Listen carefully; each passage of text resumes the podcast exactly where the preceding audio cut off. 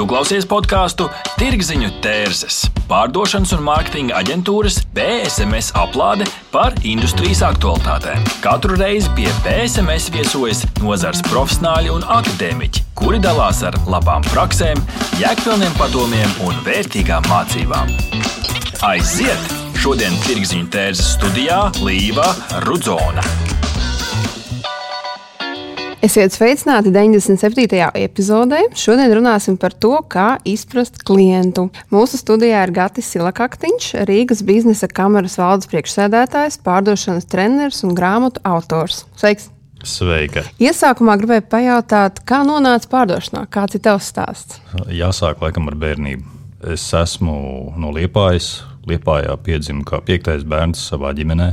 Un, uh, pēc manis vairs, gan manā ģimenē, vairs neviens brālis, māsas nenāca. Un es jau maziņš sapratu, ka, lai kaut ko panāktu, kaut kas ir jādara. Un tad es tādu loģiku ievērojot, visu laiku skatos, ok, teikt, saka, tu izdari šito, mamma saka, izdari šito. Un uh, brālis un māsas visu forši dara, viss kārtībā. Tad saka, man arī nu, jāsāk kaut kādu pienākumu pildīt. Un, ko, un tad es uh, sāku izcelties. Es saku, okay, kas man par to būs? Un, nu, tad, tad uzlika man tā teikt, tādu zīmogu ģimenē. Nu, šis jau ir saka, mūsu Izraēlis, ja, te jau ir cilvēks ar, ar citu domu gājienu. Un, uh, laikam dēļ tā arī nu, dēļ šīs bērnībā uzliktajiem. Uh, zīmogiem, stereotipiem un vispārējā. Es jau pamatskolā mācoties, sapratu, ka man nākotnē būs pārdošanā.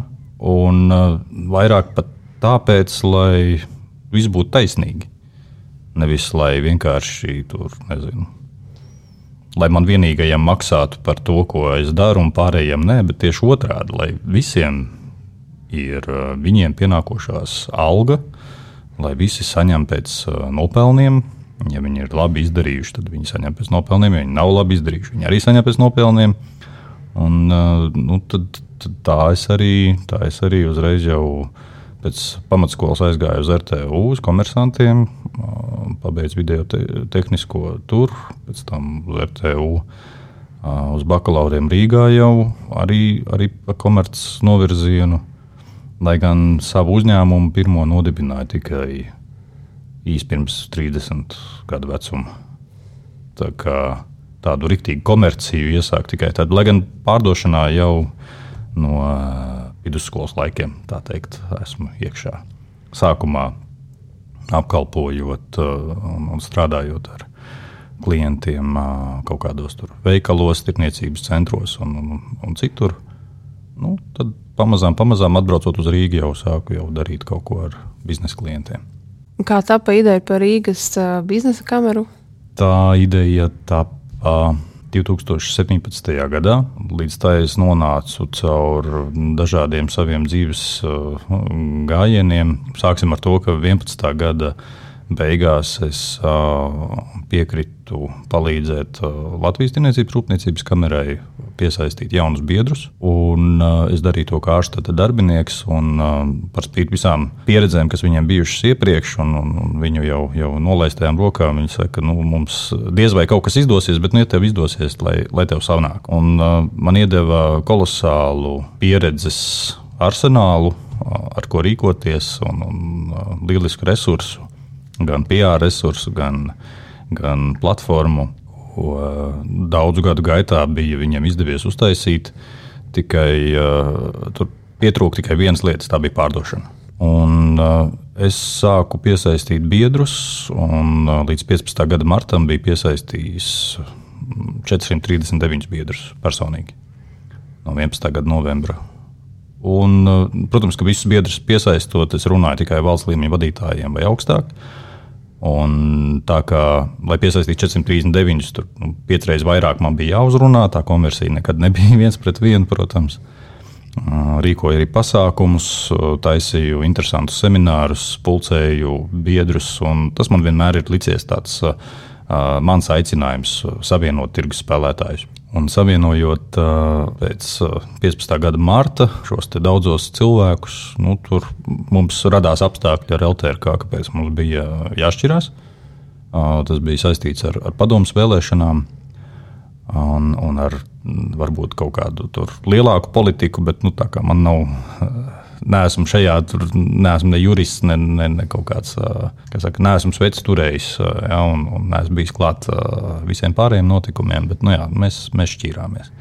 Un tad no 15. gada līdz 17. gadam es organizēju savus seminārus, organizēju arī citu pasniedzēju seminārus, aicināju cilvēkus no pasniedzējs no Lietuvas, Zviedrijas, no Krievijas, no Igaunijas, nu, kas no apkārt ir, lai piedāvātu viņus mūsu vietējiem Latvijas uzņēmējiem par tēmām, kas skar digitālo mārketingu, komunikāciju, dažādas tipoloģijas, psiholoģijas, nu, protams, arī pārdošanu.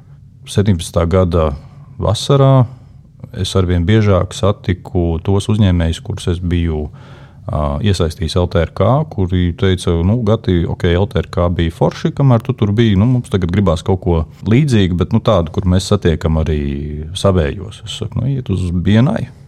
Business Network International forša organizācija, viņiem ir savas sistēmas. Neesmu dzirdējis nevienu, kurš teiktu, ka viņš tur ir samaksājis biedru naudu un nav viņa atpelnījis. Un, Viņi saka, jā, gati, bet tie agrie rīti, gati, nu, tie, tie noteikumi, tā disciplīna, tur, tas nu, režīms.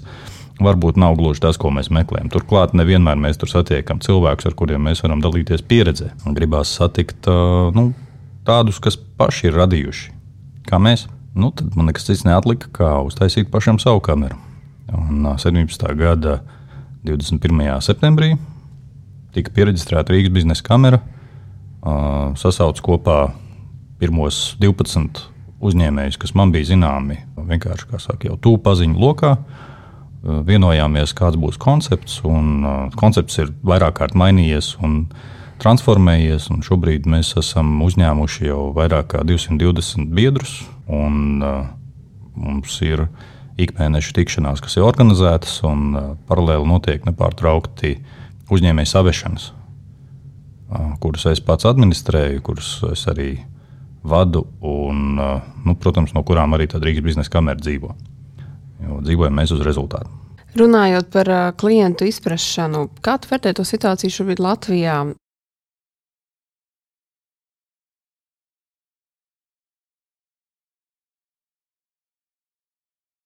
Man kā pārdošanas trenerim tieši B2B segmentā ir uh, bieži nākās saskarties ar situāciju, kad uh, mani klienti, uh, es runāju tieši par pasūtītājiem, saviem darbiniekiem, tiem maniem audzēkņiem pārsvarā, uh, ir uzdevuši izpildīt plānu.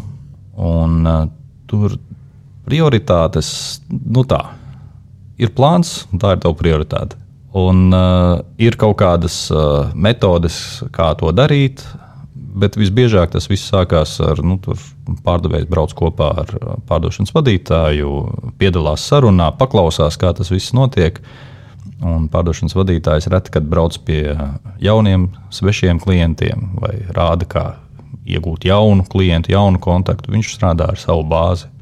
Viņš jau savu sunu tur ir apēdis un viņam ir viegli komunicēt. Tāpēc tā nav gluži tāda skola, kas šim pārdevējiem, jaunajam vai arī pieredzējušam pārdevējam, bet jaunā uzņēmumā iedod uh, vajadzīgās atslēgas. Vajadzība izzināšana, es pat neteiktu, ka viņa ir kā prioritāte. Prioritāte ir nodibināt kontaktu ar jaunu klientu. Un, jo kamēr kontakta nav, mēs nevaram izzināt vajadzības.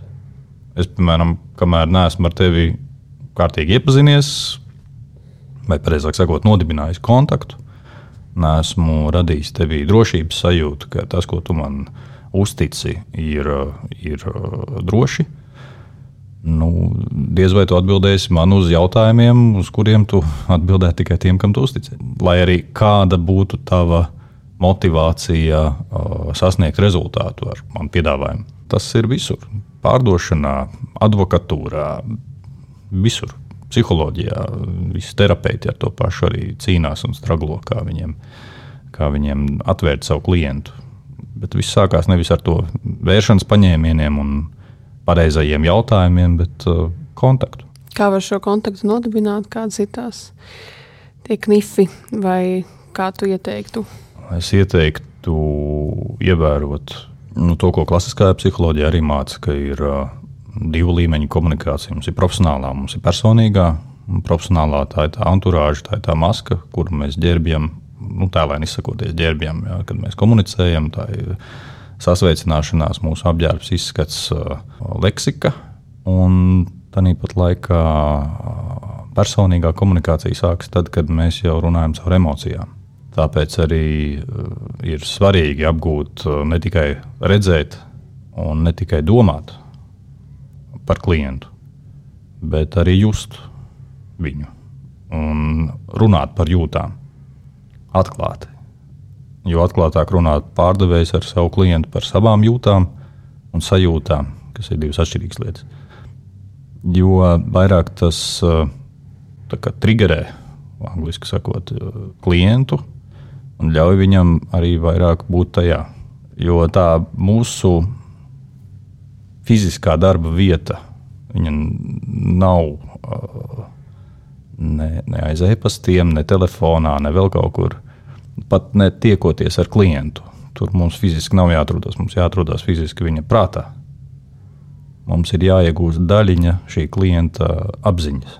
Kādas ir būtiskākās kļūdas, ko tu esi novērojis? Nu, tātad šo kontaktu neizveido, un tad arī sākas tā ķēdes reakcija. Jā, tas ir tu ļoti precīzi noraksturoji.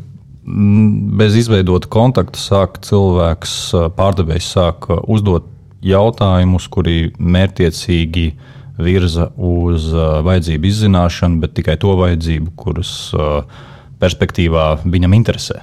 Un, ja tajā brīdī klientam ir pavisam citas vajadzības, kurām arī iespējams noderētu sapratne, kurām, lai būtu abi justos vienā laivā vai uz, uz, vienas, uz viena viļņa, noderētu kaut kāda rezonance starp abiem, mm, vai vismaz skaidrība, ka ir tādas vajadzības.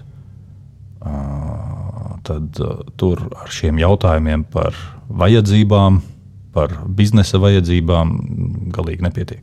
Kādi būtu teiksim, šie te jautājumi, kurus, nu, teiksim, tāds slikts piemērs vai labs piemērs, kā tad uzrunāt? Nu, redz, ja mēs runājam par uzrunāšanu, tad ir jānošķir, vai tā ir uzrunāšana pa telefonu vai tā ir klātienē. Ja pa telefonu? Var augstos zvanus, jā. No augstie zvani vispār, man liekas, ir tāda prakse. Izņemot, ja iemesls piezvanīt svešam klientam iepriekš nesarunātā laikā, tā lai viņam tas ir absolūts pārsteigums, ir uh, norunāt tikšanos. Tad tas ir cits stāsts. To mēs varam darīt, un tur ir vienkārša loģika un struktūra, kā to, kā to paveikt, pat neatklājot īsti ne klienta vajadzības, ne arī pārdevēja piedāvājumu. Šeit galvenais ir uh, ieinteresēt ar savu personību. Ja pārdevējs to zina, šo algoritmu, tad uh, tas viņam izdodas astoņos gadījumos no desmit. Ja viņš to nezina, nu, tad, uh, jā, tad tur ir kļūdas, kad sāk runāt par savu pakalpojumu, produktu, sāk minēt klienta vajadzības. Un, nu, ja klientam nāk klajā ar apgalvojumu, ka viņam kaut kas sāp, un viņam nav ne mazākās nojausmas, no kurienes tāda vispār tāds minējums varētu būt, jā, tad viņš, viņa pirmā reakcija ir to noraidīt.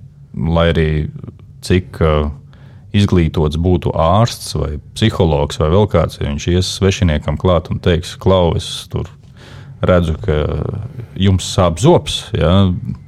Nu, jā, varbūt klients atzīsies, ja, ka viņam sāp šis zobs, bet vai viņš tāpēc vien vērs viņam vaļā muti un, un ļaus uh, operēt, diez vai. Savukārt, jā, uh, nu, tas tā kā pat, tāpat kā pie terapeita. Ja, mēs nevaram nosūtīt, mēs varam aiziet. Šī sasteigtība dēļ savukārt jau manas pieminēto pasūtītāju, jeb pārdevēju darba devēju plāna, kas atkal viņiem ir spiediens no viņu darba devējiem. Te, te radās tāds aburtais lokus. Visi spiež, visi grib vairāk nopelnīt, un uh, tikai tie, kuri grib patiešām palīdzēt saviem klientiem. Un tiem arī izdodas pārdot. Un klātienē, teiksim, kāds būtu tas. Es saprotu par to personību, bet tas noteikti svarīgi. Tad kādām ir tām jābūt tām īpašībām, un arī kāds ir tas um, pareizais veids, kā tu ievirzi, lai tā uzticība ir un lai tas kontakts nodibinās? Vai ir kaut kas, kas vieno šīs situācijas, nu, kaut kādi konkrēti atslēgas vārdi vai teikumi, vai tas ir diezgan individuāli un ļoti, ļoti atšķirās? Ja mēs runājam, salīdzinām piezvanīšanu un satikšanos, parasti šī piezvanīšana ir cēlonis satikšanai tad uh, tas, kā mēs novadīsim šo pirmo sarunu pa telefonu, ļoti ietekmēs to, kā mums sāksies tikšanās tieši emocionāli. Tāpēc arī ir svarīgi strupi nepabeigt sarunu, nenomest klausuli, lai, lai noslausītu savus augstos sviedrus pēc nu, pat veiksmīgi norunātās tikšanās, jā, bet uh, vienmēr pagaidīt 5 sekundes. Un, un, tad vai nu klients noliek pirmais klausuli, vai nu mēs pēc 5 sekundēm paši to izdarām. Uh, Un uh, atvadīties ir svarīgāk pat nekā sasveicināties. Tas, kā mēs atvadāmies, tas ir tas, kas klientam ilgāk paliks atmiņā nekā tas, kā mēs sasveicinājāmies. Un, ja mēs varam atvadīties ar radoši, uh, ar kaut kādu unikālu frāzi, kaut kādu, mm, varbūt pat tiešām kaut ko ļoti personīgu. Satiekoties jau klientam, būs pat tādas tā gaidas, nu, kā izskatās šis cilvēks, kurš man novēlē tik personīgi labu vēlējumu. Un tas jau rada priekšstatu vai kaut kādu tēlu par pārdevēju personību. Un seklu personība tā nemaz nespēja. Vairāk arī par to jautājumiem, kas būtu tas, ka tu nonāc tajā klātienē, ka tu esi interesējies Un kādi ir tie atvērtā tipa jautājumi, vai kādi, kas palīdz šo sarunu jau virzīt tādā produktīvā? Paldies. Es, es Līvā uzskatu, ka atvērti jautājumi nav labāki par slēgtiem jautājumiem. Katram jautājumam ir savs laiks un vieta. Un, uh, tas, vai jautājums ir atvērts vai slēgts, uh, vēl nenosaka, par ko šis jautājums ir. Es ļoti iesaku izpētīt, nu, vismaz reizi izlasīt Neila Rekhema grāmatu par spinu metodi, par spinu jautājumiem.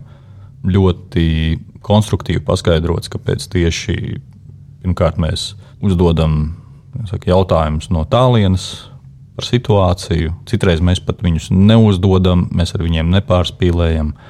Par problēmu mēs prasām tikai to, kuru mēs patiešām varam atrisināt.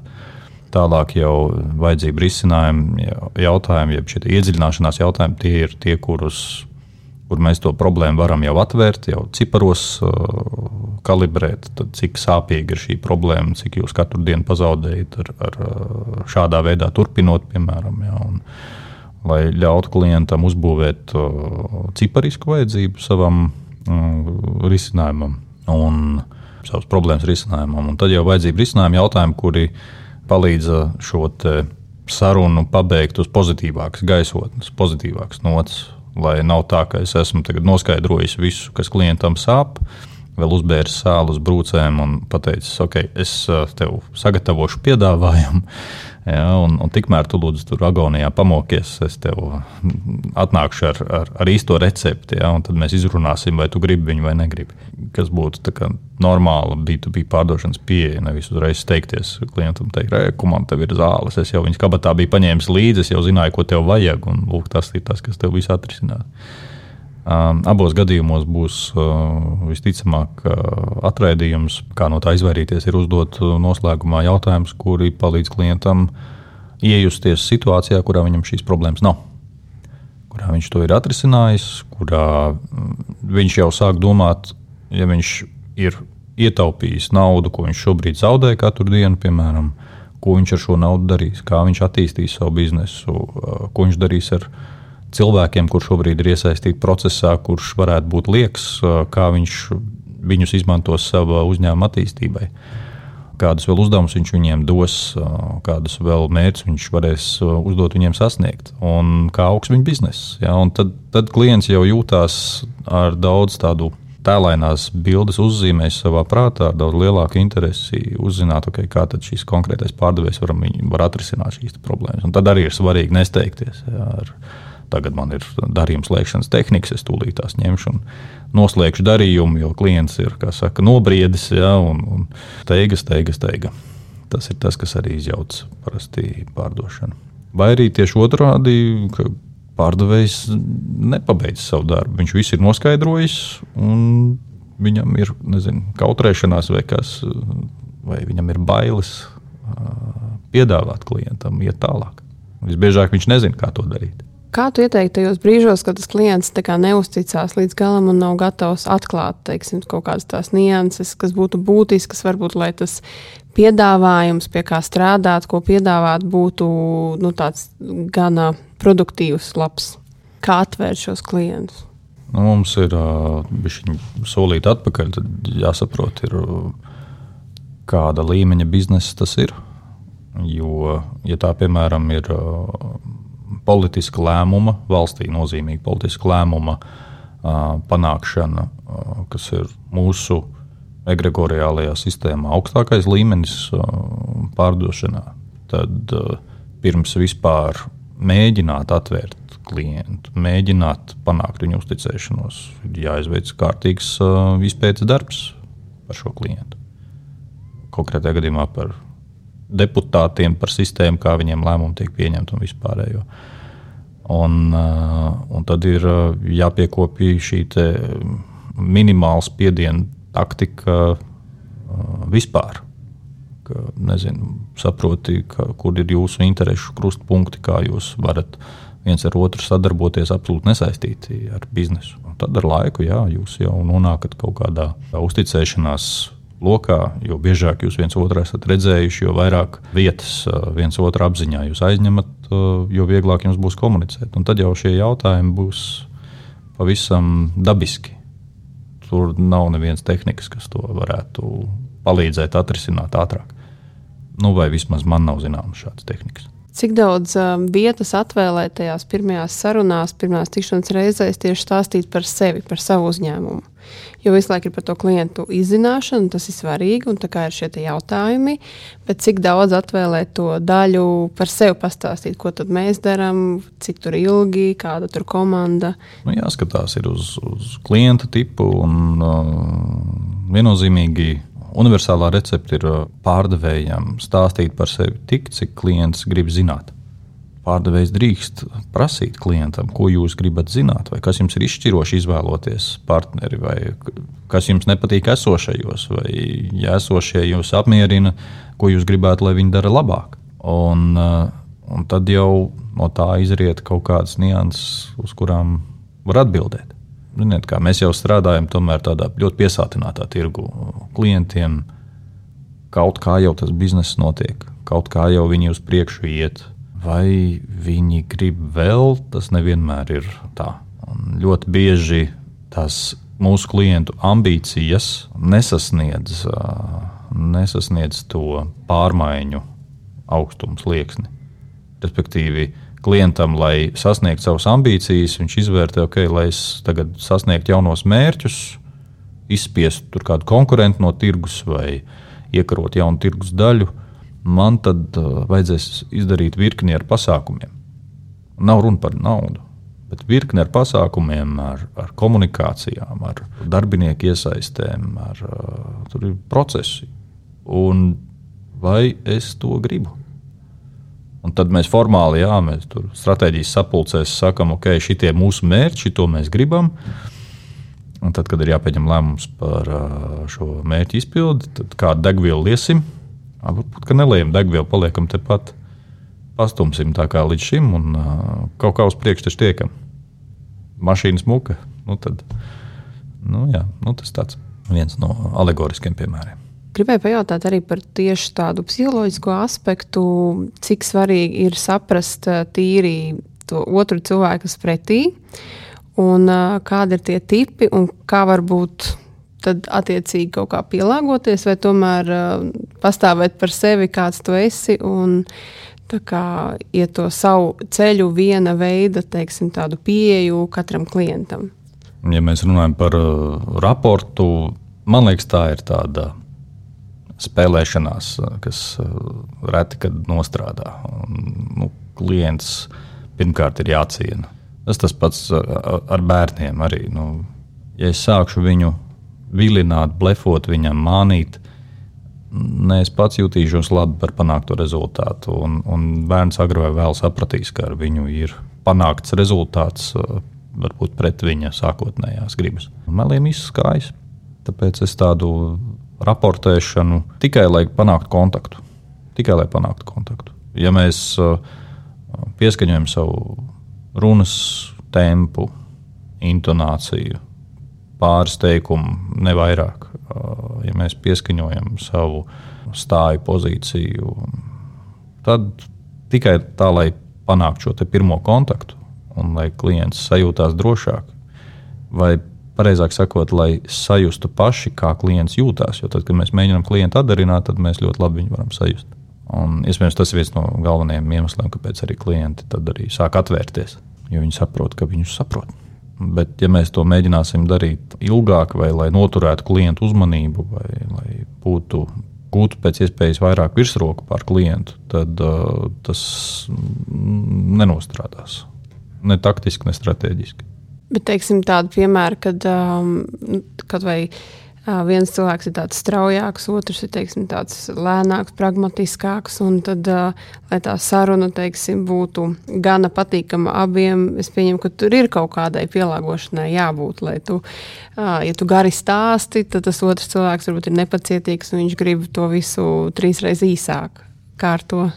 Pārdevējiem ir jāizprot cilvēku un visu laiku jāpēta jebkāda jauna informācija, ko mums plašā informatīvā pasaule dod par to, kāds ir cilvēks. Un cilvēks ir nu, gan cilvēkam domas ātrums, protams, kā tu pieminēji, ir atšķirīgs. Un to var diezgan ātri arī noteikt pēc cilvēka sejas. Ja, cilvēki, ja pārdevējs zina fenotipoloģiju, viņš zina, ar kuru klientu būs ilgāk jārunā un no sākuma jāizrunā par problēmu un tikai pēc tam par izcinājumu, nevis otrādi, un ar kuriem vajag tieši otrādi. Un, uh, pieskaņošanos. Jā, ja klients ir ar, ar ātru runas tempu, skaidrs, ka viņš arī domā ātri. Mums ir, kā jau teicu, sākumā mēs varam, lai nodibinātu kontaktu, pieskaņoties. Tas panāk šo efektu, ka klients arī pieskaņosies.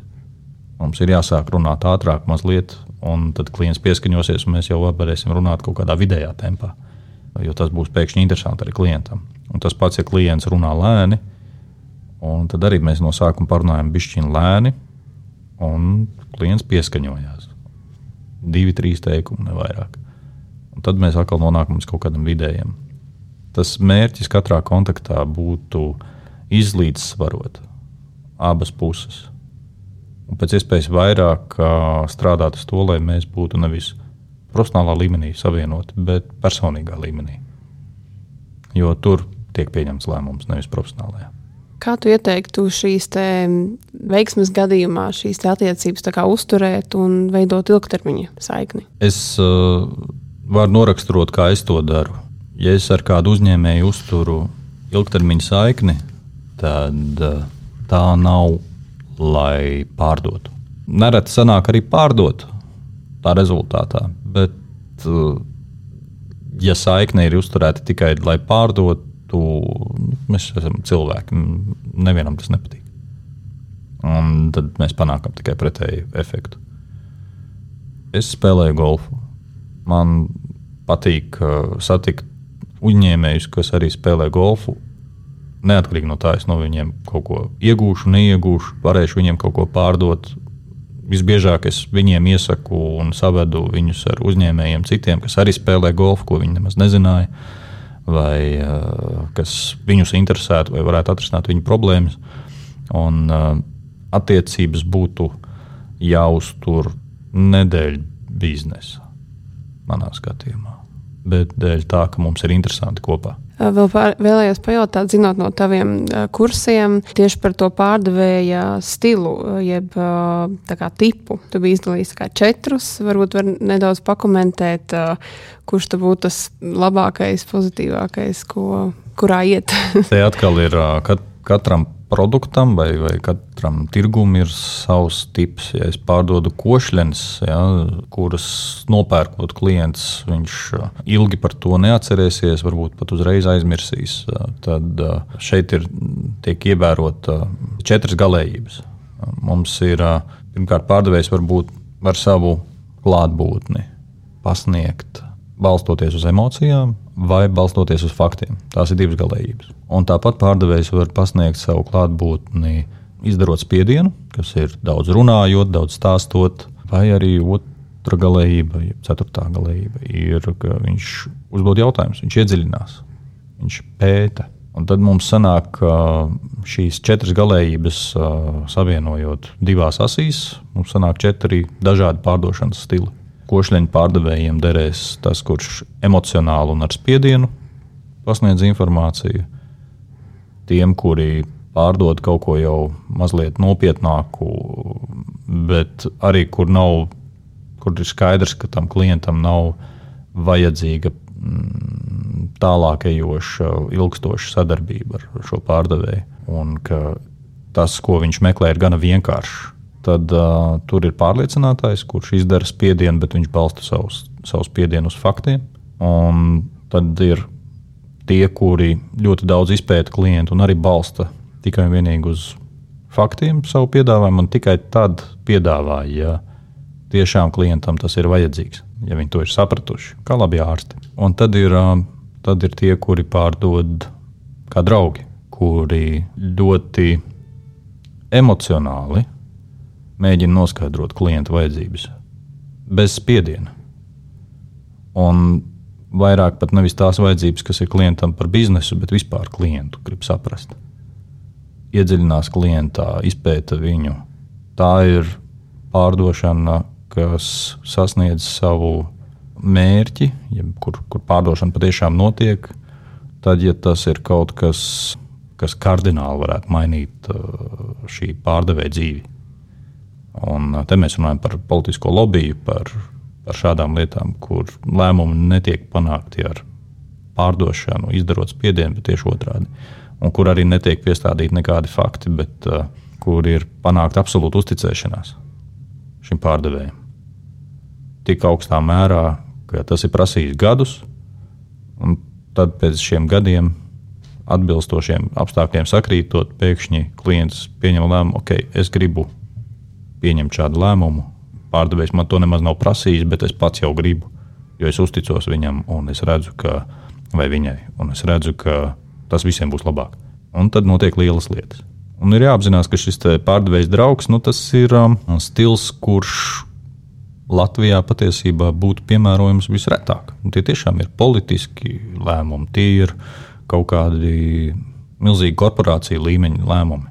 Tas tā saucamais enterprise sales kur panāktie darījumi nu, ietekmē pēc tam vairākus gadus to, kas notiek tirgu. Nobeigumā vēlējos pajautāt, ko tu novēlētu topošajiem, esošajiem pārdošanas speciālistiem, uh, lai viņi uzlabotu savus prasmes? Protams, mācīties gan pie manis, gan pie maniem kolēģiem Latvijā.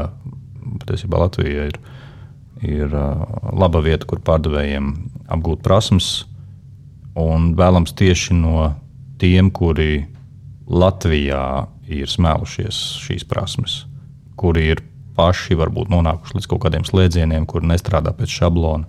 Tie pārdošanas treneri, kuri ir uzcēluši kaut ko savu un nevis lasot grāmatas, un pēc tam to atstāstot, bet uh, vienkārši ejot cauri savai pieredzei, paši dibinot uzņēmumus, paši veidojot komandas, paši vadot pārdošanu, paši plānojot, paši kontrolējot, paši analizējot. Un tad jau tās ir personības, no kurām ir viņš pārdošanas treneris vai nav, bet gribās kaut ko apgūt. Pat citreiz liekas, pārdošanas treneris ar skaļiem vārdiem un ar uh, daudz apmācītiem, skaļiem zīmoliem.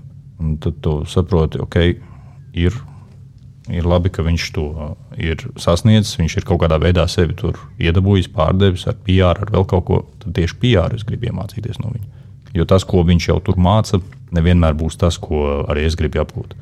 Es arī ieteiktu, vērojot, kā vispār pasaulē cilvēki šobrīd mostās, ka ir pienācis šis atmodas laiks, tīri arī uz mūsu galaktiku skatoties, ja, ka mēs jau iekāpjam gaišajā 13,000 gadus pusē. Es ieteiktu pārdevējiem pēc iespējas vairāk pievērsties tam, kādi viņi ir paši, saprast sevi, un beigt pielāgoties klientiem, es vairāk meklētu savējos, lai uh, nav šī samāklotība, lai nav šī liekā pielāgošanās, bet ir uh, dabiska saruna. Un, un tad arī visiem ir gan uzticēšanās, gan kontakts, gan arī labs rezultāts. Paldies, tev liels! Mūsu studijā bija Gatis Silakaktiņš. Paldies! Paldies, ka klausījāties BSMS podkāstu Tirziņu tērses. Aplāde ar labām praktiskām, jēgpilniem padomiem un vērtīgām mācībām. Patika epizode? Dalies sociālajos medijos. Ir idejas tēmām vai viesiem? Raksti mums! Tās bija Tirziņu tērzes. Līdz nākamajai epizodei!